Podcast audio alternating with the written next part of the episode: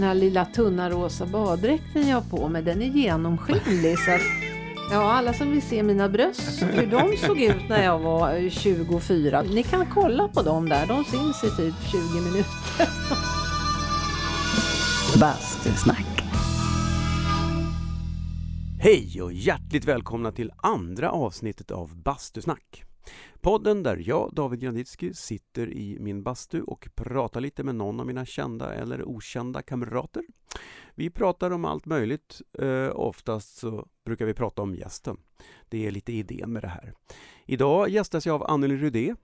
Har ni inte någon koll på henne så rekommenderar jag att lyssna. För under den närmsta timmen kommer vi att avhandla det mesta kring henne och hennes liv och karriär och sjukdomar och friskheter och ja, allt möjligt.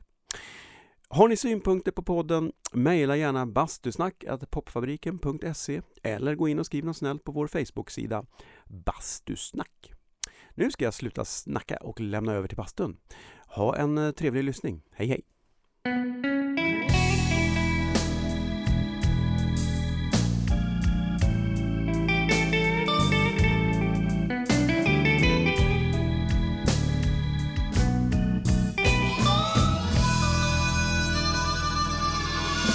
Bastusnack. Men jag har ju fått en ny sån här grej, jag, bara måste, jag vet inte hur det kommer bli, men om det går att genomföra, ha den i stan utan egen laddare. Men jag vill ju köpa den där Tesla-bilen. Alltså. Ja, jag vill också ha en Tesla. Åh fy fan, det verkar ju helt fantastiskt. Har du provkört? Ja, har du inte gjort det? Nej. De, Uber hade någon sån här, man kunde boka en Uber Tesla. Och eh, då... Eh, För att få så provköra? bokade, ja, jag bokade jag en från stan och hem och så fick man köra en för att man fick visa körkort och skriva på papper och sånt där först. Och då eh, mm, satt jag med där så fick man en kurs och så sätter man sig där och ser det som en stor iPad och så. Och så, och så kör man den här 1,2 ton eller 1,4 ton. Den är stor och tung och den går ju, den accelererar. Ja, jag har jag har kört det. Lamborghini en gång och det är samma känsla. För man trycker ner eh, det alltså det är go-kart-känsla. Hur är det Man trycker ner möjligt? Det gasen. Det finns, ing, det finns ingen växellåda, det är elmotor, det är som en bilbana. Det är Ja. samma sak som att trycka in handtaget på en bilbana. Och så jag, äh, den är lite trögstyrd bara tycker jag. Och då gick han in på iPaden där, bip, bip, bip, så blev den lätt. Man bara, jaha, okej. Det var en väldigt rolig bil att köra.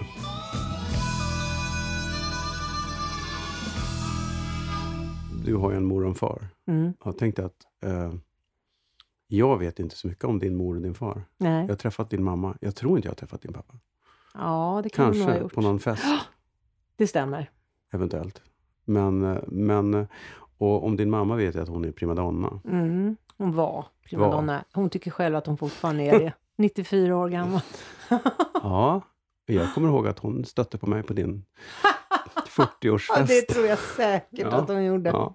Det var väldigt mm, Ekivok. ja, charmant. Ja, du är nog hennes typ. Eller Ja. var åtminstone. Sen är väl hon lite som jag. Hon har nog många typer. Ja, ja vad fan, vem var inte det? Nej, Eller, Precis. Jag, vet inte. jag har försökt se vem, vilken typ man har om man går tillbaka och tänker det. Det finns inget. specifikt. Nej. Jag kommer ihåg att jag skrev någon gång när, när jag kände mig som mest ratad så, så hade, var mina, mina krav var sänkta till tjej, gärna straight. Stackars Ja. Men det gick ju bra ändå. Det gick ju väldigt Mm. bra ändå. Det, Här sitter du idag, trött trebarnsfar ja, i bastun. mm. Men du, ja, men när vi ändå är inne på det där. Mm. När vi gjorde till exempel, när du gjorde föreställningar på den tiden. Mm. eller säga. Eh, Gör inte jag det längre? jo, det gör du. Ja. Fast taskigt. inte med dig just Nej, så. inte med mig på Nej, den det tiden. stämmer. Nej. Nej, men det Mm. är faktiskt sant. När du gjorde krogshow och Ja. sånt och var mamma och show, show, show och gala och champagne och sen upp till dagis. Mm. Du var ju ensamstående då. Mm. Det var väldigt tufft va? Ja, men det blev bra, för att jag vet inte, jag har någon förmåga att kunna flexsova. Och eh, vi löste det så att eh, vi hade en fast barnflicka, Stina. Vi glömmer henne aldrig, varken Alice eller jag. Hon var jättebra. Hon kom varje kväll vid eh, ja, sju redan för att bonda med Alice. Vi åt tillsammans och sen åkte jag iväg till Hamburg Börs där vi gjorde krogshowen. Och sen så var jag väl hemma vid halv ett. På den tiden gick krogshowerna mycket senare på kvällen än vad de Mm. gör idag. Eh, så att halv ett gick Stina hem, jag sov och så var det upp till dagis då klockan åtta. Jag hade ju inte somnat förrän fyra på natten eftersom det tar tid att Mm. varva ner. Och så frukost till Alice, upp till dagis, hem, frukost till mig och så somnade jag om och vaknade vid ett. Och då var det kaffebalja och sen upp och hämtade Alice ganska tidigt på dagis, redan vid två på eftermiddagen. Och så umgås med henne fram tills klockan blev halv åtta på kvällen och kom Stina tillbaka. Så var det ju då fem kvällar i veckan, för på den tiden körde vi också fler kvällar i veckan än vad man gör nu. Det var ju tisdag till och med lördag. Det här var under en begränsad period på en fem månader. Det gick hur bra som helst måste jag säga. Det gick väldigt smidigt. Ja, för det mm, märker man själv när man... Det är just det där med morgnar och dubbelsova och sova i kapp. Det, Mm. Men jag tänkte, ja, när vi ändå gled in på det, det här med fem kvällar i veckan. Jag tittade av en slump, så såg jag i något tidningsurklipp från eh, 85 Mm. att en vanlig tisdag i Stockholm så var det så här, nio olika livemusikevent som man kunde gå och titta på. Dagen exakt. efter på onsdagen så var det tio. Ja, Det fanns ställen som Kaos, Trebackar, Strömsborg, Studion, Glädjehuset, Ritz, ja, Stampen, Ängeland, Fasching, Orion, Rats, Sheraton. Alltså det fanns skitmycket ställen. ja. Nu är det... Bon, finns ingenting. Nej, jag håller med. Det kan vara någon pub där det sitter någon och spelar blues. Men då var det ju eh, på riktigt. Nej, men livescenen har ju krympt dramatiskt på de här 30 åren som har gått. Men även, även showkrogar till exempel, eller Ja, privatteatrar. ja. ja. Det är ju väldigt få som kör onsdagar ens. Ens längre. Oftast kör, kör folk Mm. torsdag, fredag, lördag. Mm. Eller till och med fredag, Mm. lördag. Kanske söndag. Det är helt... eh, Men jag skyller det på... Vad tror du att det jag beror tror att på? det beror på... eh, Först kom eh, kabel-tv. Ja. Alla kanalerna. För när vi började, när vi gjorde um, Stulna kyssar 93 var det va? ja. Då var det väl... Då fanns det ju, men alla hade ju inte det. Nej. Men det började ju komma. Och för TV4 var- ju bara ett par år gammalt då. TV4 kom väl... När var det? 91 kanske? va? Nej, jag premiärsjöng med magen i vädret på deras invigning och TV4 drog igång eh, september 90. 90 var det, Mm. just det. Så var det. Men då var det ganska färskt. Och sen så... Och då dalade det ju, men vi spelade fortfarande i början på 2000-talet på Ja, tisdagar. Ja. Men sen kom internet. Och Ja, jag, tror att, eh, nätet. jag tror att nätet har dödat det. ja, nätet har förstört mycket för oss i vår bransch, Mm. både på skivsidan och Ja, livesidan. Ingen köper skivor och ingen, ingen går, alla ser konserterna live på Alla ser dem Facebook. live på Facebook. Så det är... Det är ett under David att vi fortfarande jobbar kvar. Ja. Det gör vi ju faktiskt. Ja, men nu får ju du 75 000 för att göra den här podden. Så. Det är Eller det. hur? Shit, alltså. ja. Mm. ja, du kan få lite ostron sen. Ja, vad härligt. Eh, Eller kräftor ifrån... Kräftor ifrån sjön, ja. Det är Sjön inte säsong. Mm, men det är inte säsong. Nej, men sen. Sen vi tar kanske. det sen. Ja, vi tar Mm. det sen. Vi får ta kräft, kräftpodd kanske Ja. man ska ha. Fiska kräft. Det är ju jävligt, det är ju, det är ju verkligen en fartig sport, fiska kräftor. Stoppar i en bur. Väntar, väntar. Men det är värt att vänta på. Ja, Du har ju sagt att era kräftor, det är ju eget vatten ni har här nere, japp. smakar ju väldigt go- gott, sa du. mycket. Efter en stormkokning eller två. Mm, man måste ha dödskok. Ja, dödskok. Det var första, första gången så eh, fick de gå ur sig i badkaret och sånt där som man Mm. kan läsa sig till. Och så kokar man, gör man en lag och så kokar man och så, åh vad gott, vad härligt. Fast det var det inte. Det, var, mm, det smakade ganska sumpigt. Men du har lärt dig sen dess? Ja, sen lärde jag mig av någon som jag pratade med. Nej, det måste ha ett dödskok! Jaha, ja. En stor gryta med rent vatten Mm. som stormkokar. Och där stoppar man ner dem i 20 sekunder, så Ja. det bara slagack. Ja, Och sen plockar man ur dem där och ner i lagen, eh, där de får öl och dillsmak. Precis. Eh, och det var en stor skillnad, för man ser man får byta det här stormvattnet, för det blir alltså brunt Mm. efter en stund. Ja, det är och det är då man förstår att ja, det är där sump. Eh, nu får man väl skit av alla djurvänner som inte tycker man ska koka kräftor, men det är skitsamma. Så Bara de dör med en gång så, så för jag är ju en eh, Ja. ja. djurvän in absurdum med Djurens Rätt och alla möjliga föreningar. Äter inte kött och nästan på barrikaden, fast jag är lite för gammal för det. Eh, Men jag har en, fortfarande en åsikt om att så länge djur avlivas på ett humant och Mm. snabbt sätt, går det på en sekund, ja då är det Ja, helt okej. ju. Ja. Det, det har det just Jag väntar och ser fram emot de där kräftorna. Mm. Betalningen för den här podden alltså. Mm. Ja, vi får väl se. Vi får väl se. Men du, vi tappade tråden där som vanligt. Men det här är den tappande trådens podd. Mm. Eh, din morsa och din farsa. Eh, de, hur länge var de ihop? Ja, de var väl tillsammans, de träffades 47 tror jag. Och eh, skilde sig 84. Ja, du kan ju räkna själv, det är nästan 40 år. Mm. Gifte sig ja. 49 vet jag. Ja. Eh, och, så det var ett långt, långt, långt Så ni var äktenskap. vuxna då? Du Oh, ja, vi var vuxna. Mhm. Det var när hunden dog. Som det sket sig. Då hade de Det var det om. sista barnet i familjen, Ah. så när hunden dog så, sen så Åh. ja, gick det inte längre. Så pappa eh, träffade en ny kvinna när han Mm. var 70 och, och var så nykär så det var nästan pinsamt.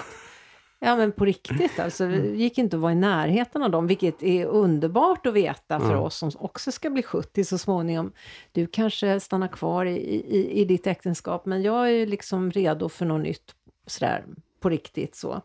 Och jag har ju förstått att, eh, inte bara av min pappa då, utan av många andra som har blivit äldre, att det är runt 70 du träffar ditt livs kärlek. Mm. Så det kan ju vara härligt. Så det har inte hänt än? Det. Nej, jag Mm. tror faktiskt inte det. Jag är en extremt eh, optimistiskt lagd eh, människa. Mm. Det tror jag på. Nej, men pappa och mamma hä- hängde ju ändå ihop så länge vi var kvar i hemmet. Så var det ju. Jag Men ni bodde på, Lidingö då? Vi bodde på Lidingö. Jag växte upp på Södra ön. Bredvid Högberga. Mm. I ett hus som var nybyggt när vi flyttade in 1962. Dessförinnan hade vi bott eh, i ett annat hus på Lidingö. Så jag kom dit som ettåring ifrån Mhm. Gärdet. Mhm. Där spenderade jag mitt första år. Född på Allmänna BB, Liljanskogen.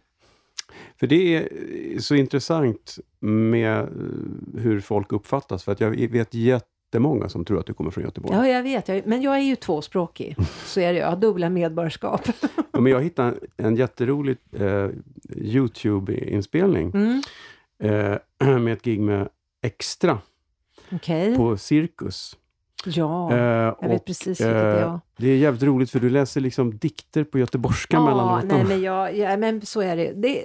Till saken hör att mamma och hela den jättestora släkten, de är från Göteborg. Mm. Mamma växte upp i Göteborg eh, och flyttade därifrån som dryg 20-åring. Eh, vi hade landställe söder om Göteborg i Åsa, en liten Mm. badort på den tiden, numera ett samhälle. Det har vuxit. Eh, där var jag varje sommar från det att jag var mer eller mindre nyfödd. Så när jag kom hem efter sommarloven till Stockholm, då pratade jag ju så här. Mamma, kom igen nu då då! Nej men alltså jag var verkligen Det var inte tvåspråkig. så mycket? Nej, det har det aldrig varit. Nej. Men eh, i ordets rätta bemärkelse. Så att, sen återvände jag då till Göteborg 1976. Jag ville flytta från stan, ifrån Stockholm, jag ville se något nytt, börja på ny kula. Och då blev Göteborg väldigt naturligt att flytta till eftersom jag hade alla vänner, släktingar där. Och gled ju direkt in i göteborgskan. Det händer ju fortfarande. Jag gjorde ju, för att ta ett exempel för några år sedan när jag var med i Doobidoo, Lasse Kroner, göteborgare och bara göteborgare bland de tävlande. Jag var den enda ifrån Stockholm. Det tog två minuter, sen var var jag där också. Göteborg. Ja, sen var jag också från Göteborg. Så jag förstår att folk tror att jag är därifrån. Mm. Jag bodde ju ändå där i sju år och det var ju där hela min sångkarriär började. Hur, för du pluggade ekonomi va? Ja, jag började med att gå på Handelshögskolan. Jag stod väl ut något år. Jag tog en tenta i statistik. 10 poäng. Okej. Ja, jag var bra på matte, så Mm. det, lätt som en plätt gick det. Och sen kände jag, att, vad gör jag här? Alltså, jag ska inte vara här. Men det var, var inget eh, föreningsliv och nationer och sånt där? Jo, lite grann. Och det var väl halvkul. Men sången drog hela tiden, för jag hade parallellt börjat sjunga med ett hobbyband som hette Slipstvång. Mm. Killar från Chalmers. Vi träffades på någon sån här nationsfest, Ja, tror jag. så någon fördel var det Ja, ändå ja, det var det ju. Vi började med slipstvång. Vi sjöng ju på fester och pubbar och för, ja, typ in, inte kräftor då, men en korv och en öl. Liksom. Vi fick inga gager överhuvudtaget. Men det var en, första skolan, det var dagis för mig. Mm. Innan då Extra kom in i bilden, eh, det här andra bandet. Så att jag kände väldigt snabbt att jag ville inte bli civilekonom. Jag skulle göra något annat. Du kan räkna gaget istället.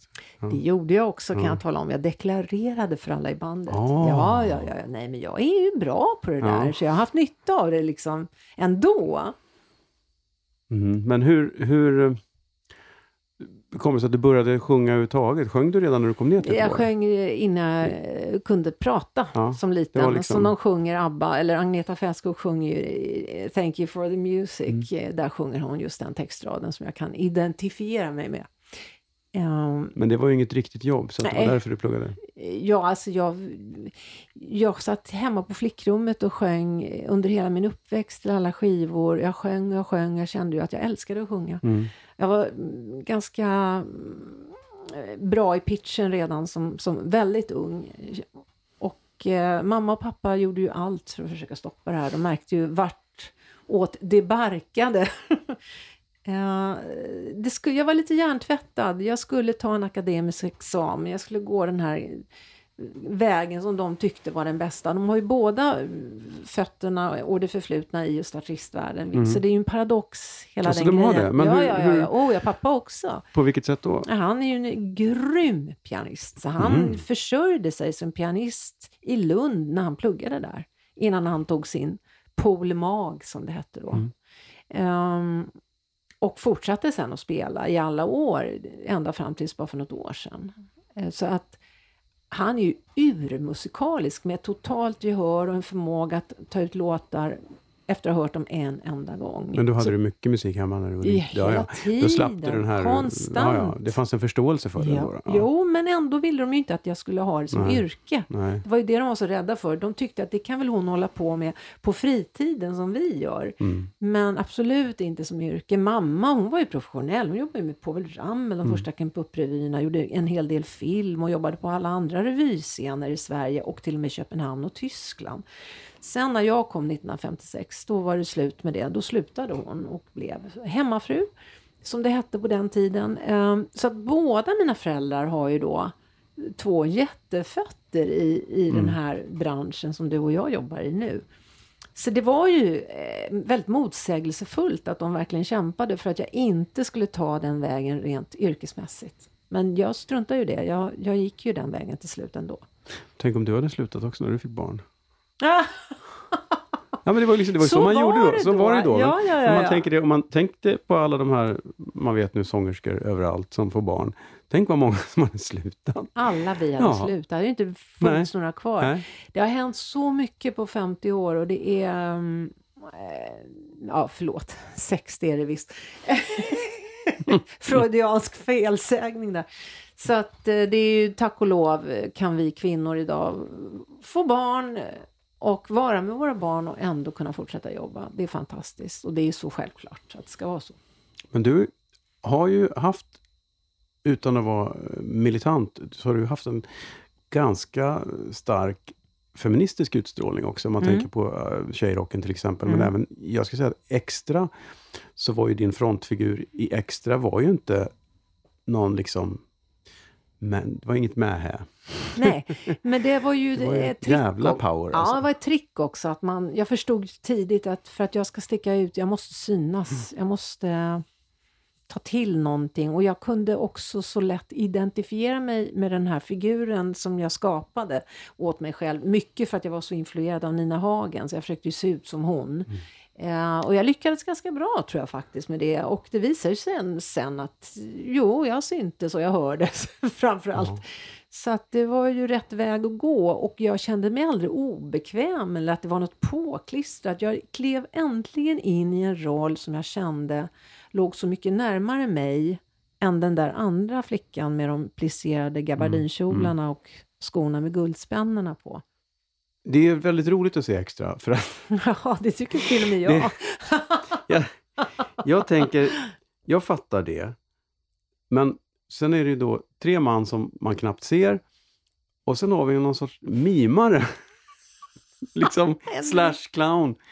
Vad, Vad var det där? Vad, tänker man. Ja. Eh, hur tänkte vi här? Det, men var det det allmänt eh, teatrala? Eh, Henrik Lipp, eh, som han heter, det var ju the leader of the pack. Ja. Eh, han skrev all musik tillsammans med sin tjej som skrev alla texter. Han styrde och ställde och det var honom jag lärde mig att slåss emot för att få min vilja fram. Och det var en hård men rättvis skola jag gick i kan jag säga. Den var nyttig på många, många sätt.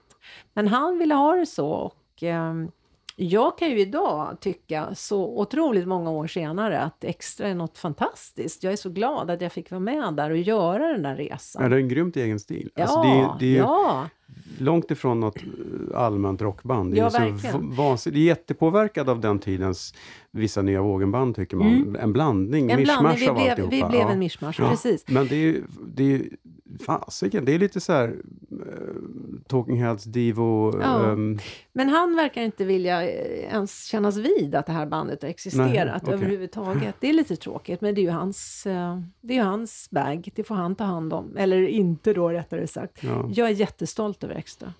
Lola Gorgonzola. Jag har bara en sån text. Den är ju fantastisk. jag tycker det.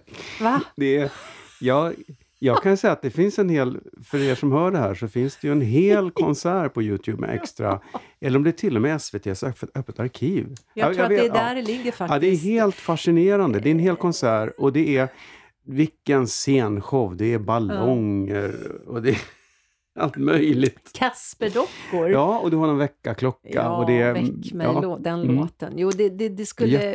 Rekvisitan var viktig, Mm, kläderna mm, var viktig. Mm. Till min stora förskräckelse slog det mig nu när jag såg det här igen för något halvår sedan att den här lilla tunna rosa baddräkten jag har på mig, den är genomskinlig. så att, ja, alla som vill se mina bröst, hur de såg ut när jag var eh, 24, de var ju i och för sig skitsnygga, så att jag skäms inte en sekund. Ni kan kolla på dem där, de syns i typ 20 minuter. Ingen koll! Strålkastarna är så starka så att det lyser rakt igenom. Det Det tog gör 40 inget. år innan du märkte det alltså? Ja, faktiskt. Jag har inte ens tänkt på att det var så. Och så gick jag in och kollade. Jag, jag kan säga så här, jag ser inte på mig själv så där jätteofta, typ aldrig. Men det här tyckte jag var så nostalgiskt och härligt så jag gick in och kollade. Och då ser jag ju detta. Åh shit, vilken tur att jag inte fattade det då. Nej. Men det där kommer jag ihåg, vi bandade i juni 1980. Efter den bandningen gick hela bandet och såg Björn Skifs på Gröna Lund. Okej, Ja. ja. Och snackade med dem och tjena och sådär. Så att ja, det var tider det. Trodde du då att du några år senare skulle köra Badrock. duett med honom? Och, ja, Ja, precis. nej, det trodde jag inte. Jag lärde känna honom just där i den vevan, 79, för då kom vi till skivbolaget EMI som inte finns längre. Det är så sorgligt så det är inte klokt. Där lärde jag känna Björn på en julfest som vi fick gå på. Där träffade jag Björn, jag träffade Gyllene Tider, alla de där stora. Ehm, och jag har ju dyrkat Björn sedan 60-talet när han sjöng i Slam Creepers. Alltså, min idol. Så att det var stort och sen kunde jag ju då förstås inte tro att vi skulle jobba Nej. så mycket tillsammans som vi sen har gjort. Men du hamnade på EMI, men eh, du blev solo ganska snart efter Extra. Eller hur, vad hände där? Ja, så här Finns- var det. Vi fick skivkontrakt 79 och det fick vi för att Bengt Palmers upptäckte oss. Ja. Vi skickade ju runt, vi gjorde ju egna videor. Eh, och då låg de på såna här beta-kassetter, stämmer det? Mm, mm. Inte VHS, utan Nej. det var de här äldre större. Mm. till alla skivbolag i hela Sverige. Vi var väldigt ambitiösa. Henrik Lipp stod i spetsen. Eh, och då nappade Bengt Palmers, han fick se det här. På den tiden hade varje skivbolag sina fasta producenter Mm. och Bengt låg på EMI. Mm. Han har ju galet mycket hits i bagaget. Ja, och där hamnade vi då. Eh, och sen 80 släpptes vår första LP-skiva och ganska snart efter det, på sommaren där 80, så hoppade då eh, Malla, Mats Johansson, av eh, sin sångdel, så att säga. För vi var ju två sångare från Mm, början. Mm. Men sen fortsatte vi i drygt två år till, alltså nästan tre år. Vi gjorde ytterligare en skiva, vi turnerade jättemycket, vi gjorde en hel del radio och tv. ehm, så att fem år Mm. existerade extra innan då eh, nyåret 82-83, där flyttade jag upp till Stockholm igen. Och sen så kom Segla på ett moln. Och då låg jag kvar på IMI förstås. De ville det. Och så gjorde jag min första solskiva där. hade ni splittrat bandet då, eller gjorde Ja. du ett solo? Vi gjorde var- vår sista grej tillsammans. Eh, Det var ingen dramatik i den här splittringen, utan alla kände att nu är vi i vägs ände, nu har vi Mm. gjort det här klart. Jag kände också så. Så vi, det var en fin avslutning. Vi, vi gjorde Guldslipsen, ett, ett Just. program från Göteborg. Det minns jag. Mm. Ja, eh, tre låtar där. Eh, och sen var det klart. Och den här Guldslipsen-programmet gick i december 82. Mm. Så sen var det Sen var det var extra färdigt. Ja. Men sen så kommer du till Stockholm och så säger Hej Per Gessle här, jag har skrivit en låt till dig. Och sen var det... Eller, Nej, nej, nej, så var det inte alls. Jag kom till Stockholm dels för att Rocky Horror Show skulle sättas upp på Kinateatern. Vi hade ju gjort den redan nere i Göteborg hösten 81. På Nya Teatern där och sen skulle den upp. Och då åkte jag med och kände att här vill jag stanna kvar. Nu räcker det med Göteborg. Nu har jag pratat klart min göteborgska, trodde jag. Det hade jag ju inte tydligen. Men eh, på så sätt blir det en naturlig hemkomst för mig Mm. till Stockholm. Så gjorde vi Rocky Horror och planerade min första soloskiva, Mie Majs, parallellt med det. Och då var det en av eh, mina alltså skivbolagskontakter där som hade hört en kassett som Peter, Gess, äh, Peter som Per Gessle hade spelat in till sin soloskiva. För han skulle också göra soloskiva. Eh, Gyllene Tider skulle ta ett break, han skulle göra soloplatta. Och där var det då en låt som hade blivit över som jag fick lyssna på som de tyckte att den här är nog något för dig. Men den lät ju helt annorlunda då. Den lät alltså... Det var en helt annan låt. Mm. Så att jag frågade om jag fick sätta tänderna i den på riktigt och så gjorde vi det och så blev det något helt annat. Och jag vet att Per blev väldigt glad. Han skickade bud med stor champagneflaska som ringde på dörren. Lilla ettan på Gärdet där jag bodde. Mhm. Ja. Eh, och ett jättefint kort som jag har kvar eh, där han skrev att han var helt knäckt av min version. kul. Och jag trodde aldrig att det skulle gå att göra låten på det sättet. Kul. Mm. Vem producerade den då? Var det Bengt eller var Eh, det... Danne Sundqvist. Det var Danne redan då då? var för att, första eh, samarbetet med Dan Sundqvist. Var det, hur kommer det sig att det blev Danne? Var, jobbade han där? Det var eller? i maj igen Ja. som hade tyckt att han var bra. Han hade gjort någonting innan. Vad var han hade gjort? Jag tror att han hade producerat Maria Wickman, Basse Wickmans syster. Mhm. Och de hade tyckt det var väldigt bra att han verkade en up and coming kille. Han, vad gammal var han då? 25? Mm. Jo, men Och han har ju spelat eh, Jo, med mycket. och- ja, ja. och visst, han var ju musiker men ändå en väldigt ung producent. Men vi fann ju varandra omedelbart i studion och det är ju det som är det viktiga i de här lägena. Mm, Så så började ja. våra samarbeten, för vi har gjort många nu. Ja, alltså, jag vet inte hur många. Nej, men massor. ju- Nej, men han har varit min slags hovproducent genom åren. Vi har kul ihop. Ja, Vi funkar ja väldigt men bra. det, det märks. Mm. Så så började solospåret. Men jag tycker det är roligt att man, alltså, jag kommer inte riktigt ihåg ordningen där, men, men du gjorde ju Tuff brud också.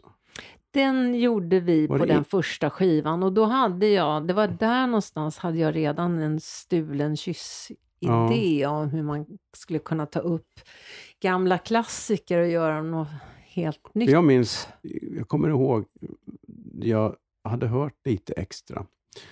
Eh, och, och så. Och sen så visste man vem du var. Och sen kom det. Varför, så tänkte man, men varför gör hon den här? Mm, det var det var inte udda. riktigt, det var inte Nej, så punkigt. hörde inte ihop Nej. med plattan. Nej. Men den föll i god jord. Både Ja. hos Danne och skivbolaget tyckte det var kul. Ja.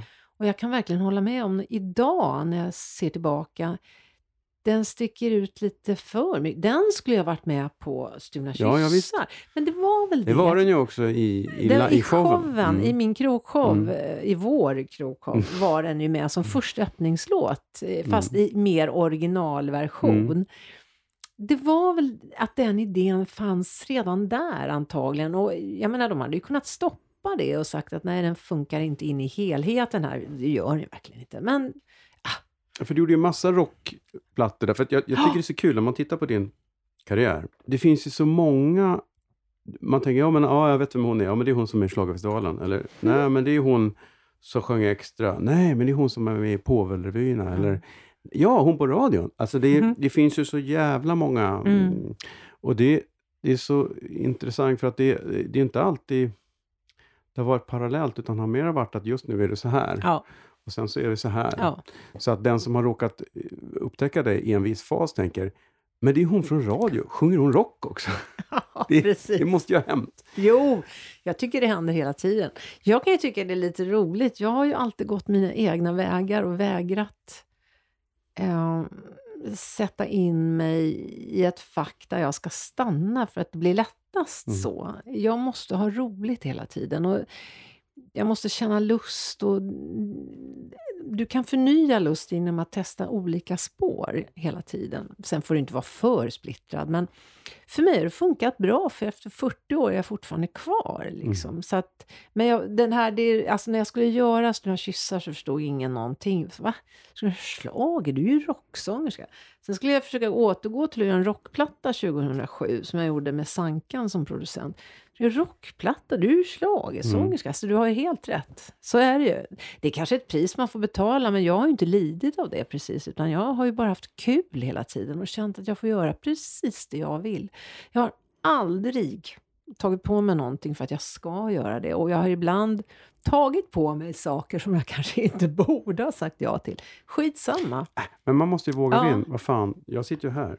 Jag har ingen aning om hur det här funkar Nej, nu. nej men Men, men om man inte gör det så får man inte reda på det heller. Eh, Men jag minns ett av dina första programledarjobb när du dessutom skulle programleda en livegala från Älvsjömässan ihop med Bengt Magnusson. Och det Mm. var ju, det kan man ju säga att eldprov, det är Äh, underskattat. Alltså det är liksom, eld, eld, eldprov är för svagt ord.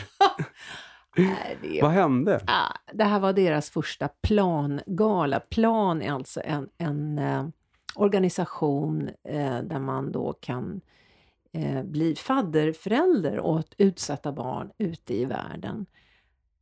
Det här var deras första plangala som skulle direktsändas från just Älvsjömässan. TV4 pratar vi om nu.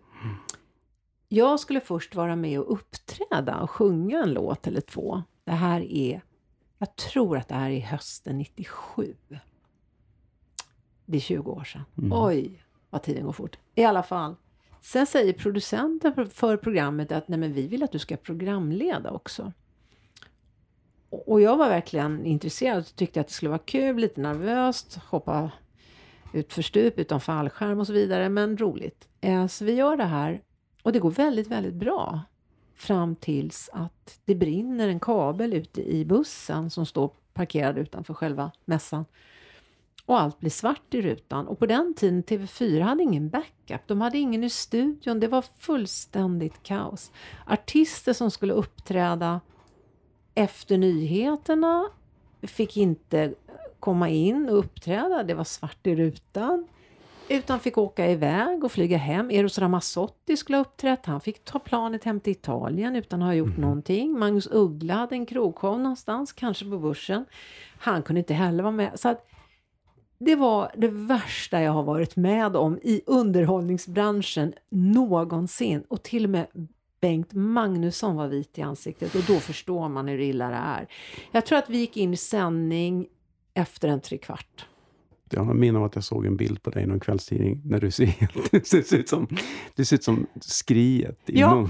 Nej men det är Twilight Zone situation. Vi var ändå i en direktsändning och Bengt visste inte heller hur han skulle göra. Det, var, det fanns liksom inga eh, backups. Det fanns ingen räddning någonstans. Det var bortom räddning alltihop. Ja, det sket sig på Ja, det, det sättet som sig det... något så ja. fullkomligt och... eh, Men ändå så gjorde du det igen sen. Ja, gjorde jag? Nej, jag menar alltså, ändå så fortsatte du programleda. Ja, det, blev gjorde inte, jag. Ja. Och du gör ju live-radio ändå. Ja, men det är en helt annan sak. Man kan ju tycka och tro att TV4 lärde sig ju verkligen någonting av det där. Mm. Att det, ska, det som hände ska egentligen inte kunna hända. Och nu fick jag då vara med på ett hörn när det som inte hände, hände. Eller inte fick hända, hände. Eh, sen får man ju försöka lita på tekniken i framtiden, så det har jag ju fortsatt att göra, så att det har ju gått bra. Men det var verkligen ett eldprov. Och jag vet att sen körde de på nästa år igen, TV4, med en ny plangala. Och det är från och med den som de räknar sina plangalor, från 98 och framåt. första 97 finns, finns inte. inte. Nej, Det är det där man inte pratar om. Nej. Nej. Don't mention the war. Don't mention Don't the mention war. the plangala. nej, precis. Bastusnack. Sen fortsatte du sjunga och turnera och. Det var inte, men det blev liksom ett hål där. Du var, fortsatte inte, du slutade programleda då? Eller, eller var det Alltså, så att jag- du inte fick mer? Alla de här, programlederiet, ehm, eh, skådespeleriet och till och med radion. Jag anser ju det någonstans vara bonusarbeten. Det är Mm. så här, jag har haft tur att att få frågan och, och testa och tycka att det är roligt. Det är ju inte min huvudsyssla. Så att, att det blev en lucka där från programlederiet, det är ju inte så konstigt, jag, för jag har ju aldrig eh, aktivt sökt mig till de här arbetena, utan det har kommit till mig och jag har tackat ja om det känns rätt och tackat nej om det känns fel. Sen har du ju fått göra en uh, oförglömlig tolkning av, ro- i rollen som Olle Sarris mamma. Exakt, där har vi skådespeleriet. Ja, jag är Segemyhr. jättestolt över Care of Segemyhr. Mm. Jag är verkligen det. Jag var ju inte klok som hoppade på det där, men, men, och jag förstod ju först inte att jag var typecastad. Det fick jag ju veta efteråt. Det är klockrent. Det var, alla vi andra förstod det faktiskt. Ja, inte jag. Det var ju tur. Nej, men det var så kul att få göra det där. Det var ju tre säsonger var jag med. Jag fick till och med jobba med Kjell Sundvall, vilken grej, Mm. som regissör. Mhm. Ehm, och det handlar ju mycket om att när, man läst, när jag läste manus så såg jag hur gediget genomarbetat det var. Jag visste vilka skådespelare det var. Jag visste vilka regissörerna var. Det var så, liksom, förlåt, men klass ifrån början till slut. Mm. Så där i ett sånt sammanhang kan man våga, om man är modig, hoppa in och försöka göra det så bra som det bara går. När du har den vattentäta skotten runt omkring dig som jag hade där. Men det var väl ändå en sån produktion som hade, höll ett relativt högt tempo? Nej, det var, var inte det. Nej, det här var en riktig sitcomedy. Ah. Man repeterade i tre dagar innan själva genrep på eftermiddagen och eh, föreställning på kvällen inför sittande publik i en Nu stor jag. studio. nu minns jag. Det var sittande precis. Jajamän. Det, mm. Så som en sitcomedy ska göras. Det- Görs, jag är så... Gör de så länge? Nej, knappt. Knappt. Gör de sitcoms längre? Nej, eller hur? Nej, in, inte i Sverige i alla fall. Inte för tillfället så gör de inte det. Jag är jätteglad att jag fick vara med om, om den typen Mm. av eh, just eh, tv-underhållning. Eh, och, och, något av det roligaste jag gjort måste jag Men det säga. var ju en smash också. Det var ju en hit. Det blev det. Ja. Det blev det. Och jag glömmer aldrig en replik. Jag kommer aldrig glömma den. Och det roliga är att här första säsongen av Carro Segemyhr skrev Fredrik Lindström och Henrik... Nej! Så här var det. Fredrik Lindström och Erik Haag skrev manus. Mm. Eh, det här är ju ändå 20 år sedan, Mm. så de var relativt unga. Och det var så underbart manus. Det var väldigt, väldigt roligt. Och då fanns det en replik. Jag sitter I en taxi? i en taxi jag tänker på samma replik. Olle Sarri då som i, spelar min son sitter och kör den här taxin. Han är taxichaufför. Ja.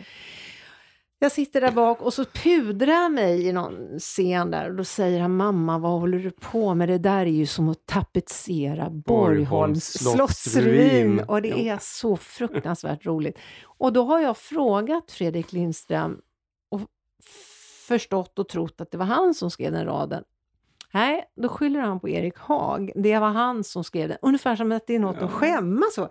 Och jag kan tänka mig att Erik Haag kommer att säga, om jag skulle fråga honom, att det är Fredrik Lindström som har skrivit just den linen, eftersom de var två. För det är något av det roligaste, det roligaste, roliga jag har fått ta i min mun. Jag var så tacksam för den repliken.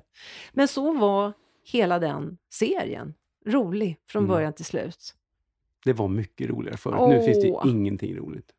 Gör inte, jo. Jodå.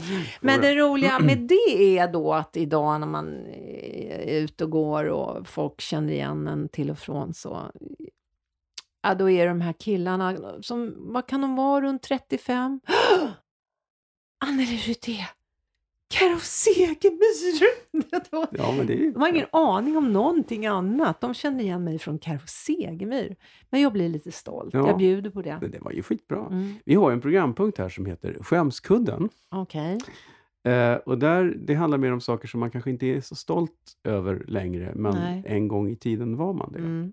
Det har blivit dags för Skämskudden. Herregud vad pinsamt. Skämskudden. Nej, inte den där gamla demon. Och eh, vad har du då i din skämskudde idag? Eller bakom din skämskudde kan man säga. Ja... Jag har ju inte så mycket skämskuddar. Det låter ju otroligt självgott. Men... eh, Eller så har jag fullständigt förträngt det. Däremot, jag tror att det är svårt att hitta något sparat eller dokumenterat som jag skäms för. Ehm, Men jag vet två saker. Dels har jag ju... Jag hittade en gammal kassett Mm. i lådan för några år sedan från 78. En repkassett med just extra. Eh, det- det låter inget vidare om mig där och jag kommer ihåg att när vi hade spelat in den där kassetten, vi skulle ju redan då börja skicka ut till skivbolag, så lyssnade vi på det här efteråt och jag känner att nej men jag ska nog inte vara sångerska, jag ska nog hoppa av det här redan nu, det här låter ju så illa så att så jag, jag var väldigt förtvivlad och jag blev övertalad av killarna i bandet att fortsätta sjunga. Det var faktiskt Oj. så. Ja. Jag var så övertygad, för det lät så fruktansvärt, tyckte jag då. Ehm, idag kan jag ju bara le åt det, Mm. le åt minnet. Men det finns en annan sak långt senare när jag verkligen är professionell. Och det är 95 när jag gör ett program. Jag gästar ett Mark Levengood-program. Han hade en serie som gick på lördagskvällarna i direktsändning. Jag kommer Mm. inte ihåg Heter den inte, vad kan den ha heter. hetat Mark och hans värld? Nej. Jo, eller Mark och hans vänner. Mark och hans vänner hette den Hette nog. den inte så? Mark och hans vänner. Mm. Man satt på en hög kulle Mm. uppbyggd in i studion med Mm. massa mattor och där skulle man sitta och prata med Mark. I vänlig ton. I vänlig ton. Och alla älskar ju Mark, även Mm. jag. Han övertalade mig att sjunga Living Next Door to Alice som är en countrylåt i direktsändning. Det här gjorde jag. Jag hör när jag sitter där i ögonblicket hur illa det låter för att jag är inte bra på att sjunga country. Det förstod jag innan, men jag blev övertalad av Mark. Alla blir det. Jag gjorde det. Jag förstod det under låtens gång. Jag har förstått det efteråt att jag ska aldrig ge mig på country. Ehm, där kom jag ihåg efteråt att jag skämdes. Jag kände att nu har jag gjort bort mig. Och det gjorde jag också. Men sånt Mm. överlever man. Det är inga problem för mig att göra det. Men just där och då var det hemskt. Mm. Men sen kan jag inte påminna I och för mig. sig, hela tanken med skämskudden är egentligen också, för det var för att jag själv hittade några inspelningar. Eh, självaste signaturmelodin till skämskudden är en gammal skämskudde. Fast eh, det är alltså någonting som jag gjorde när jag var 15 som jag tyckte var skitbra. Helt fantastiskt. Mm. Och sen så lyssnar man på det, jag, jag, jag har flera saker. Där man, jag klarar inte ens av att lyssna på det ensam. Jag måste stänga av. För det, jag skäms. Jag tycker det är så genant Ja. inför mig själv. Ja, ja, ja. Och det var då jag kom på att, men gud, det måste finnas, alla måste ha, eller inte alla.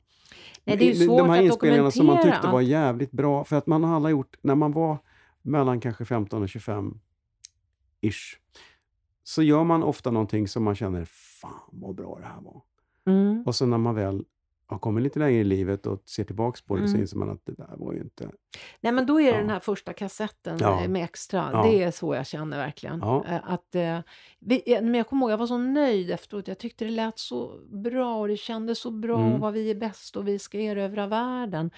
Och att denna eh, ner på jorden-tagning som det blev när man lyssnade på det Uff, efteråt. Det mm. var hemskt alltså. Men då, jag tycker vi gör ett test här och lyssnar och ser hur den låter. Helt Ja, enkelt. Här visst. kommer lite extra från 1978. Åtta!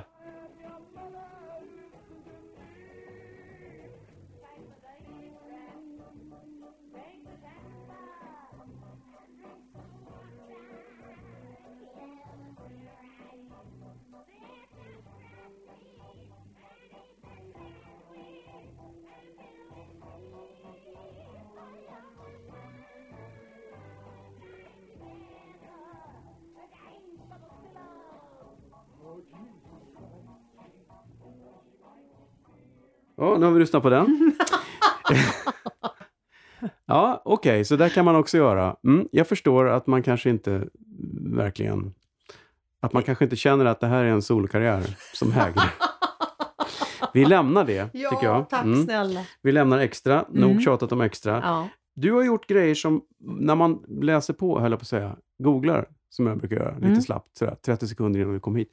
Mm. Eh, apropå Per Gessle, jag såg att du är med på den här plattan som nästan var Roxette, den här engelska Gyllene Tider-plattan. Heartland Café. Är jag med där? Ja, det står det på nätet. Va? Ja, Nej. jag kan titta här. Så Vad gör du jag har där? du har Nej, men då körar jag eller Ja, något. just det. Ja, ja, det kan jag ha gjort. Ja. Och jag har körat på så många skivor genom åren. Mm. Eh, framför allt såklart då under 80-talet. Jag var överallt och körade. Eh, och jag kommer inte ens ihåg eh, hälften av det. Jag har verkligen glömt Mm. mycket. Alla Nästan har sådär glömt. Si, si Malmqvist glömt har Ja. jag. Hon kommer ju inte ihåg någonting. Har jag gjort den? ja, jag har gjort den. Nej, så att så är det verkligen. Ja. Så det har jag Ja. verkligen glömt. Vad jag är väldigt stolt över är att jag har körat på Anders F Rönnbloms Mhm. platta och framförallt hans jullåt. Eh, God jul, god jul? Eh, nej. Nähä. Jo. Som faller! Där ligger jag uppe på den här kastratstämman. Det är jag jättestolt över. Det har jag inte glömt. Fantastiskt! Ja, där Det är jag med. coolt. Ja, Den det är ju. Det är ju en av de... ja, Jag är inte så förtjust i julmusik, men, Men den, den, låten, den- mm. oj, I know. Det finns en jättefin video till den också. Ja, jag vet. Mm. Jag har sett den. Mm. Eh, så att, men jag har säkert gjort det eftersom jag står med på, Mm. på avlöningslistan. Precis. så måste jag ha gjort det. Mm. Och Raymond Montana, fast där var det inte bara solo. Nej. Eller menar, förlåt, där var det inte bara kör. Nej, jag fick kliva fram och Mm. göra lite egna saker där Mm. också. De var ju en stor del av min, mitt genombrott. Mm. Jag kom automatiskt ut, det här är hösten 83, Segla på ett moln hade precis släppts och spelades jättemycket på radio. Och så kom jag då ut till den här jättepubliken Mm. som det var, för de hade ju haft sina varsitt stora genombrott. Mm. Så det, det hjälpte ju verkligen till och det var väldigt generöst av Dan och Py att de lät mig göra det här. Men jag tycker än idag att köra är något av det roligaste som finns. Alltså, jag älskar det. Jag älskar att köra. Jag älskar att ingå i stora sammanhang Mm. där jag självklart då gör några sololåtar men också få köra bakom andra artister när man är alla tillsammans och har kul. Nej, men jag, det är fortfarande det roligaste jag vet. Vad är det bästa körjobbet du har gjort? Oj! Inte bästa kvalitativt, utan roligaste. Nej, det är Raymond Montana-turnéerna. Ja, ja. Så är det. Det går inte att komma ifrån. Det, det var både hösten 83 och 84 och då var Tove Ness med också och körade. Så att, eh, nej, det, det- slår allt. Men det var För det var så varierande också. Det var så stort, det var så mycket och många låtar. Och... Men alltså, jag är än idag tacksam för det lilla man får göra i körväg. Mm. Jag tycker verkligen att det är så kul. Jag skulle egentligen vilja ingå i någon stor gospelkör, typ One Voice eller något sånt där. Fast då blir det problem eftersom jag då håller hårt på att aldrig hyckla och har gått ur den svenska kyrkan och kan absolut inte tänka mig uppträda i kyrkor Mm. överhuvudtaget. Så blir det, Det är svårt. lite svårt då blir det svårt om man åker i Mm. gospel. Nej, men det går Då får man inte. åka med en gospelkör som är liksom så stor så att de bara gör sporthallar. Ja, för att de drar så mycket folk. Samtidigt ska du då sjunga kristna texter och jag vet inte. Nej. Mm. Så, men, men, eh, åh, I love it, verkligen. Mm. Mm. Hur kristet var det hos Povel Ramel? då?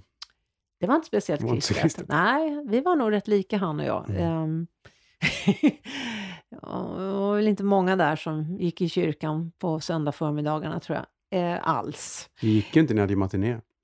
Nej, precis. Nej, men Povel var ju, åh, vilken man.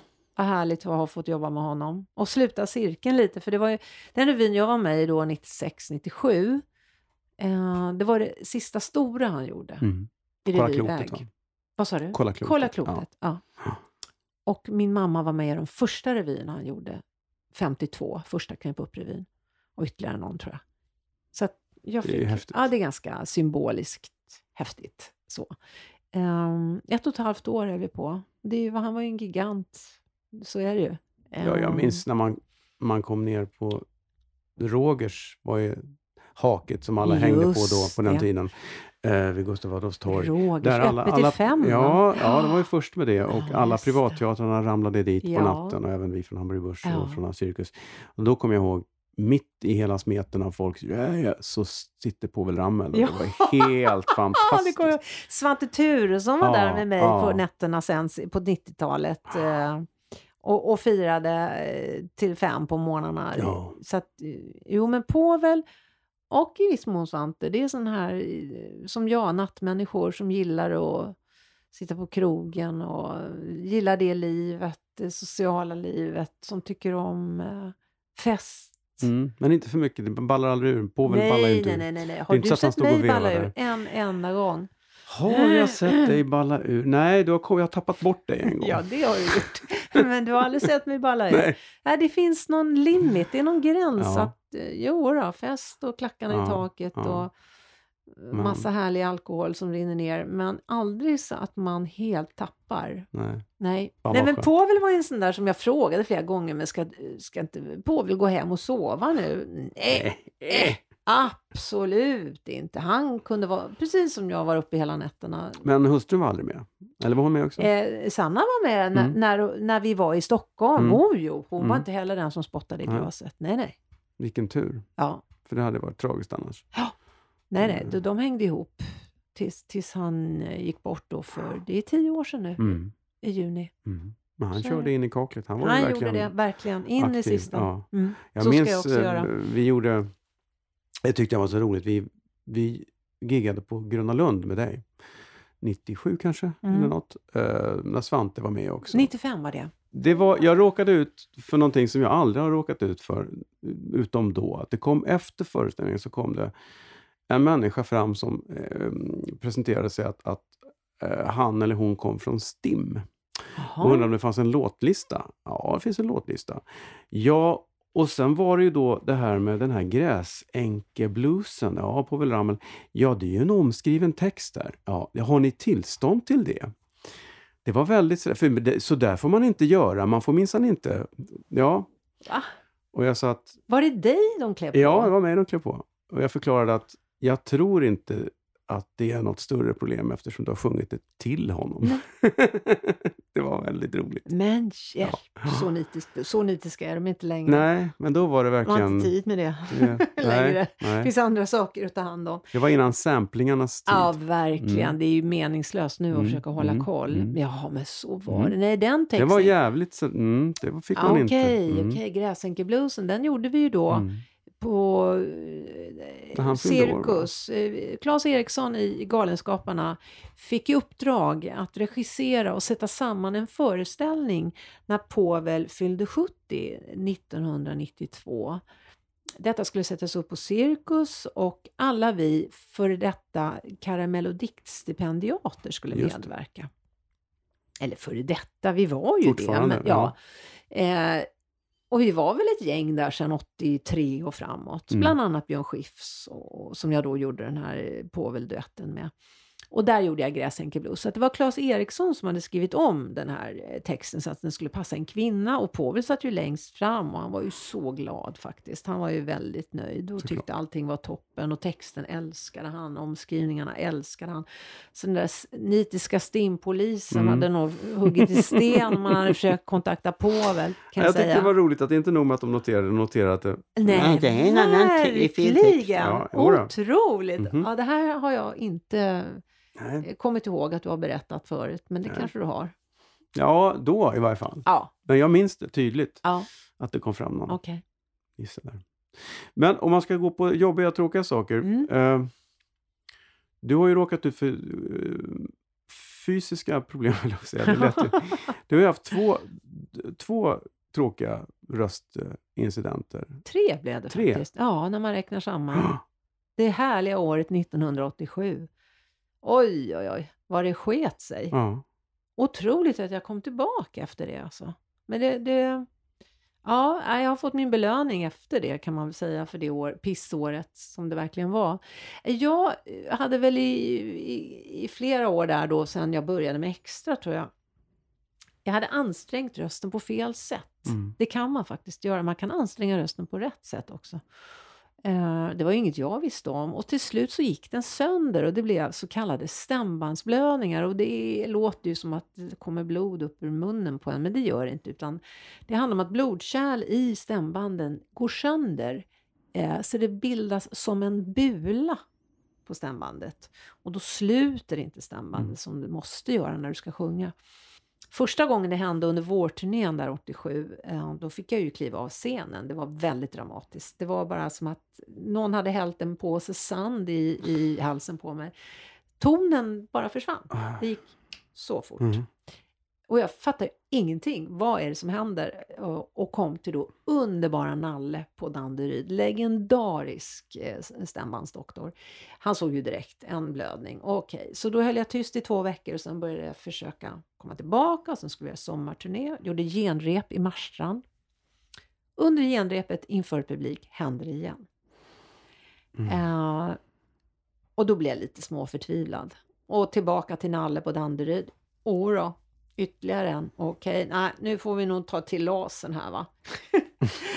så då blev det så, en operation, tyst i två veckor och så försiktigt försöka återvända. Och sen skulle jag då göra en höstturné. Och för att verkligen vara garanterad att nu funkar det så var jag med på eh, dåtidens höjdarställe Daily News Mm. och körade bakom Tommy Nilsson när han uppträdde där. Och då hände det en tredje gång.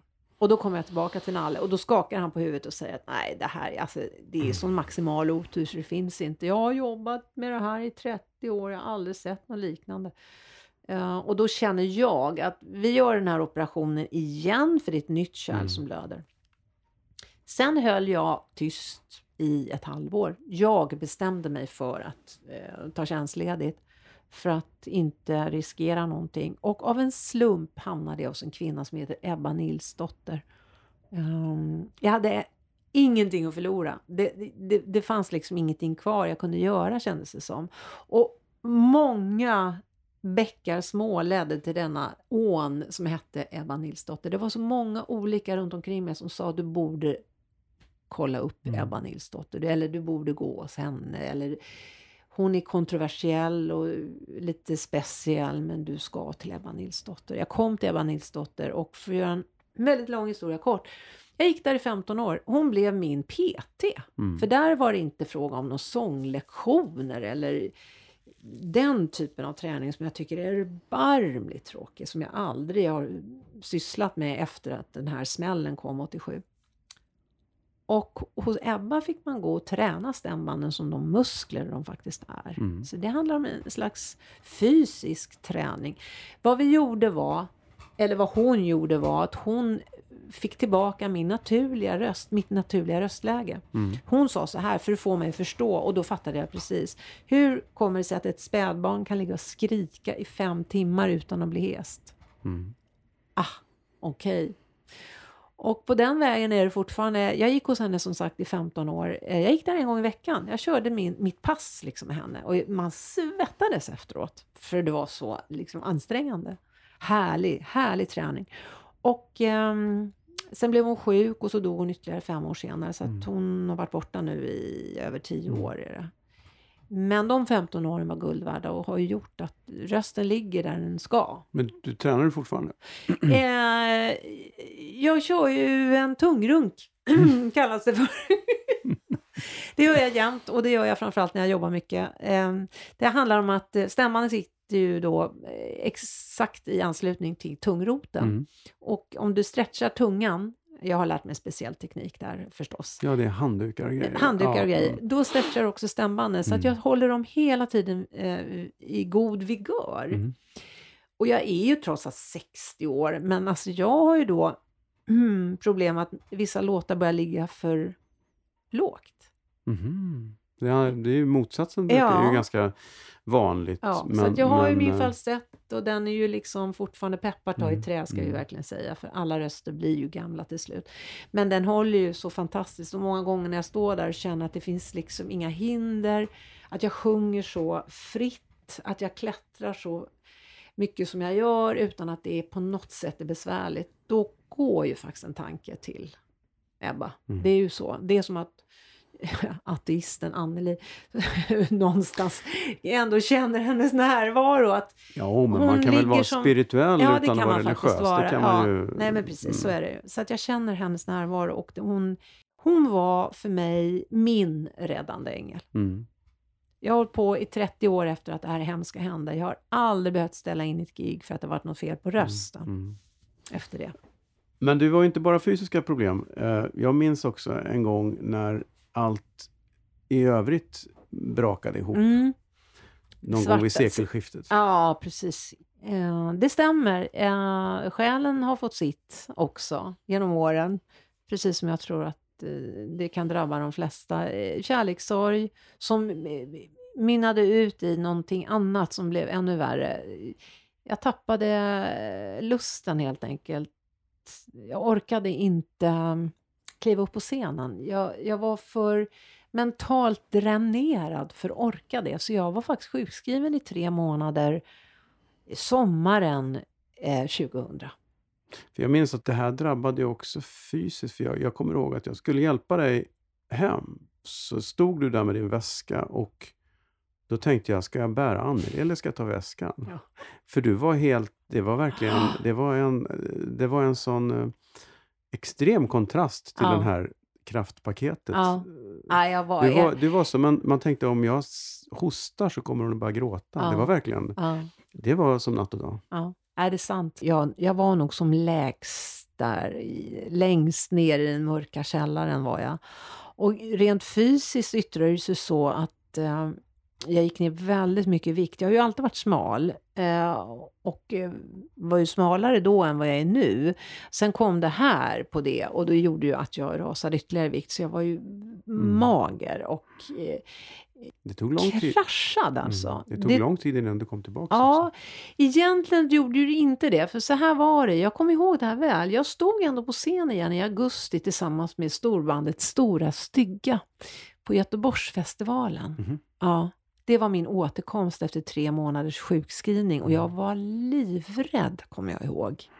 Men där vände det Mm. på det att det var så kul. Jag kände att äh, men sången är ju min räddare här. Det är ju sången. Sen tog det ytterligare väldigt lång tid innan jag var okej igen. Ja. Eh, jag gick fem år i terapi. Eh, redan efter ett år var jag helt okej igen. Men jag, som med Ebba Nilsdotter, jag bara fortsatte gå hos henne för det var så härligt att få sitta och prata av sig. Jag behövde en sån som hon. Hon var skicklig. Hon var, ja. Och där tog vi hela min ryggsäck, för det var ju Mm, det som mm. hände. Det var ju en kärlekssorg som utlöste alla andra sorger som jag, som jag tror väldigt många andra gör, förtränger genom åren, man inte orkar bearbeta.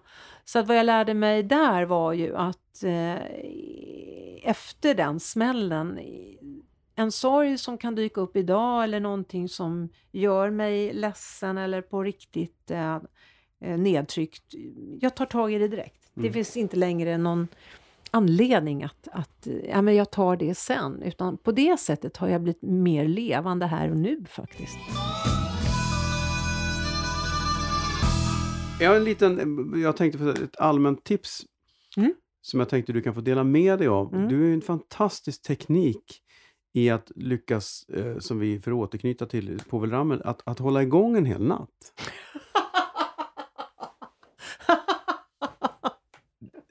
jo, Jag, har tänkte du skulle dela med dig om det fantastiska Men tipset gud. hur, how to do Mm, it. how to How do to do it. Hur orkar jag hålla igång en hel natt som jag trots allt gör? Jag kan ju säga så här. Man kan ha roligt utan sprit, men det är dumt att chansa. Det är lite min devis. Men sprit dricker jag faktiskt inte alls längre. Jag klarar inte av det längre. Och det är mycket med att när kvinnan kommer in i klimakteriet så händer det någonting som gör att du tål sprit väldigt dåligt. Det var ju mycket vodka russian, vodka lime och soda på vår tid när vi var unga David, men det är det inte alls längre. Utan jag älskar ju fortfarande det vita vinet och champagnen, Mhm. det tycker jag. Men jag blandar så grymt mycket med vatten idag. Och soda och alla tricks som finns för att inte dricka för mycket för fort. Det är livsfarligt. Sen om man inte alls dricker alkohol, jag beundrar verkligen de som inte gör det och kan hålla igång en hel natt. Men jag tror att det är lättare för oss som ändå dricker alkohol. Framförallt champagne. Där får man verkligen inte glömma att dricka vatten mellan varven. Sen handlar det om tror jag, ingen teknik alls. Det handlar om en medfödd talang, att man älskar festen. Mm. Man älskar att festa. Jag har ju älskat det sedan jag hade mitt första barnkalas. Vad var jag? Två. Jag älskar, och det gjorde Povel, han älskade själva festen. Att dansa kan vara ett jättebra trick och orka. Att inte bara sitta och dricka eller vad man nu gör, eller prata, och si, utan upp och rör på det. Dansa, bra dansmusik. Det är en bra teknik. Ehm, sen är jag ju en nattmänniska. Jag har ju lakanskräck. Jag vill ju aldrig gå och lägga mig. Vi är ju faktiskt ett gäng sådana och då är det också lätt att hålla igång. Jag kan faktiskt fortfarande hålla igång till sju på morgonen. Inga problem.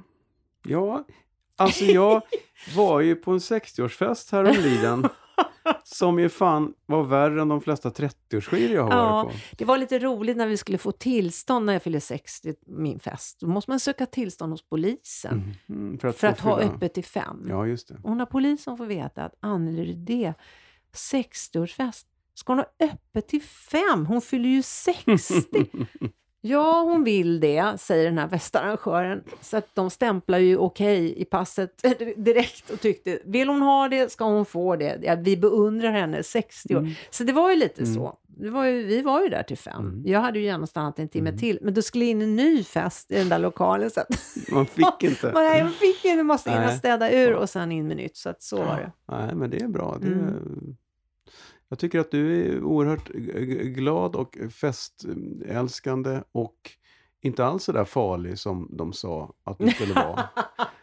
Jag tror jag berättade det någon gång att jag har Ja. blivit varnad för tre personer. Det Så är så fått, roligt. Ska du jobba med den och den? "Åh, Akta dig! Och, jag- och du är nog en av dem som så här, jävla passar det här är, oj hon är Vi ska arg, inte nämna några namn, men jag är ju jätteglad att jag är i sällskap av de där övriga Ja. två, för det är ju inga dumskallar Nej, direkt om man nej. säger så. Eh, jag, det gör mig stolt, men det är ju roligt att man ändå har haft i alla fall ett rykte. Eh, det finns säkert ingen rök utan eld. Det finns säkert någonting som ligger där som gör att jag har varit lite bestämd om, jag är nog det fortfarande. Det handlar ju bara om att det ska bli så bra som möjligt. Jag tror jag har lugnat ner mig lite. Jag har kokat ner det till när jag, när jag tittar på de här människorna som jag blivit Ja. varnad för. Vad har de gemensamt? Jo, Vad eh, har vi gemensamt? det är kontrollmänniskor Ja, som har en jävligt hög ribba, ja, hög ambitionsnivå och som kommer till repetitioner fullständigt förberedda. Det är ingen tveksamhet om vad som ska göras. Mm. Och som blir jävligt besvikna när de upptäcker att någon annan inte är lika förberedd. Nej, det kan Eh, nog stämma. Jag tror att det k- handlar om det och sen så vågar man säga något för att det finns nog många som är sådana också men som vill att det ska vara trevlig stämning på jobbet. och, Knyter så, näven i fickan. och så kommer det lite små, ja ka- kanske vore Mm. trevligt om, Ja. mm, och så och så. Men, men vissa säger att vad fan håller du på med? Mm. Och, och, då, och, och då är det oftast så bland de här som kanske inte är så förberedda att de tycker att vilken jobbig typ det här Ja, var och då kommer ja. det där snacket igång. Det kan vara så. Sen tror ju jag att eh, om jag talar för mig själv, jag tror jag har lärt mig med åren att vara effektiv i något jag känner jag inte vill göra eller som inte funkar eller passar. Men ändå mm, säga det på ett sätt som faktiskt är trevligare. Jag har ju alltid trott att jag har varit väldigt trevlig när jag säger ifrån, men det har jag säkert inte varit. Eller jag har låtit lite bestämd. Jag har väl den attityden om, om, om jag plockar fram just den sidan.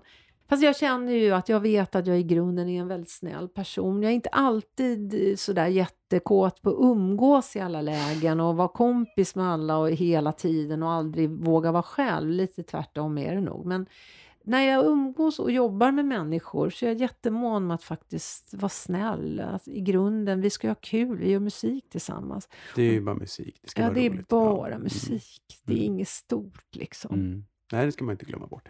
Det ju jag skrämde väl aldrig bort dig David? Vi Nej. fann ju varandra direkt. Ja. Vi har ju Ja, varit det var kompisar i konstigt. 25 år Ja. snart. Ja, ja 90, vad är det? Två. 92. Ja, det wow. ja. Jag var 12 år då. och jag var 19. Ja, herregud. Those were the days. Ja. Ja. men nu har du suttit och svettats här i den här bastun som vi faktiskt... Fan, det blir varmt varmt utan som att fan. aggregatet är på. Ja, det är klart måste... det blir när solen ligger här. Ja, och så blåser det så så man kan inte öppna fönster. Men eh, nästa gång kanske vi har öppna fönster. Ja, gud, så Men eh, ett bad kanske? inte än va?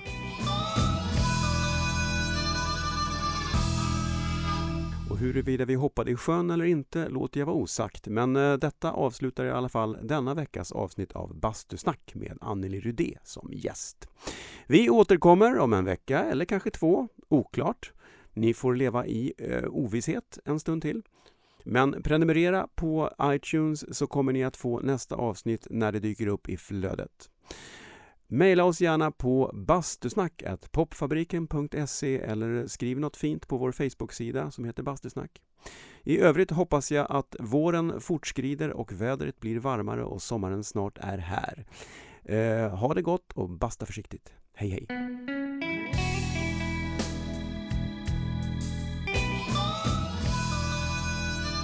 Bastusnack.